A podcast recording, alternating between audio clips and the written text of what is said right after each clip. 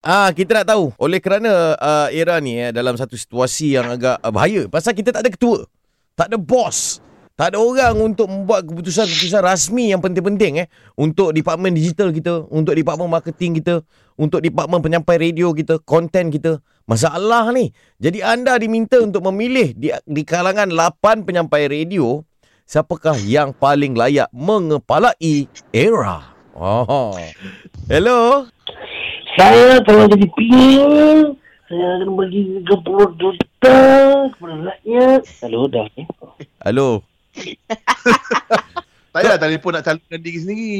Ah, habis tu takkan nak calonkan Ray. Come on eh. Okey, kita ada Daniel ni penyampai era juga ni. Kau antara calon lah. Okey, saya um, kalau saya jadi bos era, Okey, okey. saya oh. ada saya ada tiga manifesto yang saya nak uh, persembahkan. Okey, silakan, silakan. Ah. Manifesto yang pertama, Aku dah- semua announcer era ah. Ha? akan diberi gaji yang sama rata macam gaji Johan. Oi, aku yang ni aku yang ni aku nak. Tapi uh, tak apa itu manifesto pertama eh. Ah, yang Okey. pertama. Okey, yang kedua, yang kedua. Baik.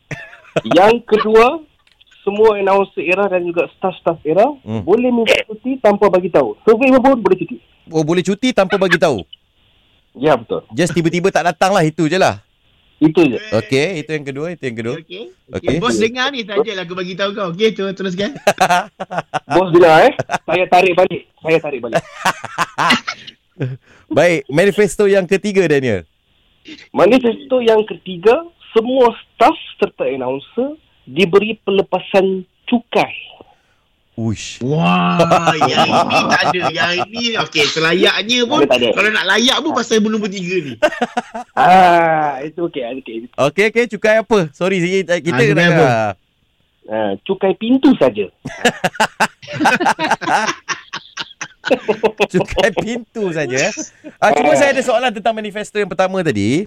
Tidakkah uh, sekiranya semua penyampai eh, ada 8 9 orang ni kalau Oh. mendapat gaji uh, Johan eh kita Oh. semua dapat yang sama, Hmm. tidakkah era akan bankrupt? Ah tu tu. Oh, tidak, tidak, tidak.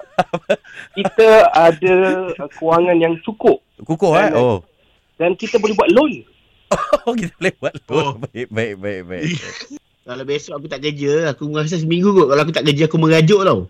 Tapi tak Cakap apa. Bos. Kalau kau tak kerja seminggu pun pasal Daniel dah jadi bos, maknanya tak apa.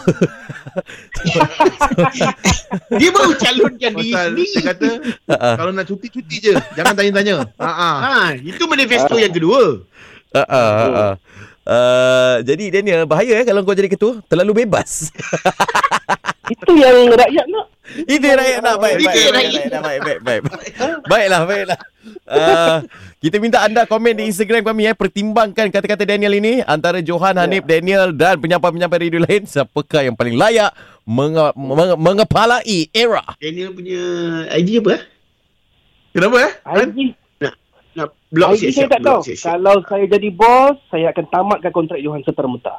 eh jangan, woi. Pasal IG ni tak tahu. IG ni tak tahu.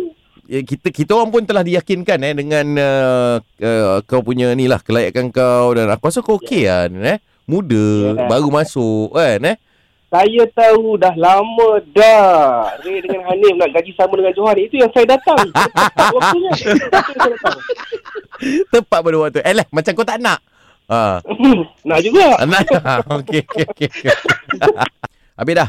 Kejap lagi. Uh, kita akan bersama dengan uh, Ray kembali eh dalam jam berikut ni lah eh.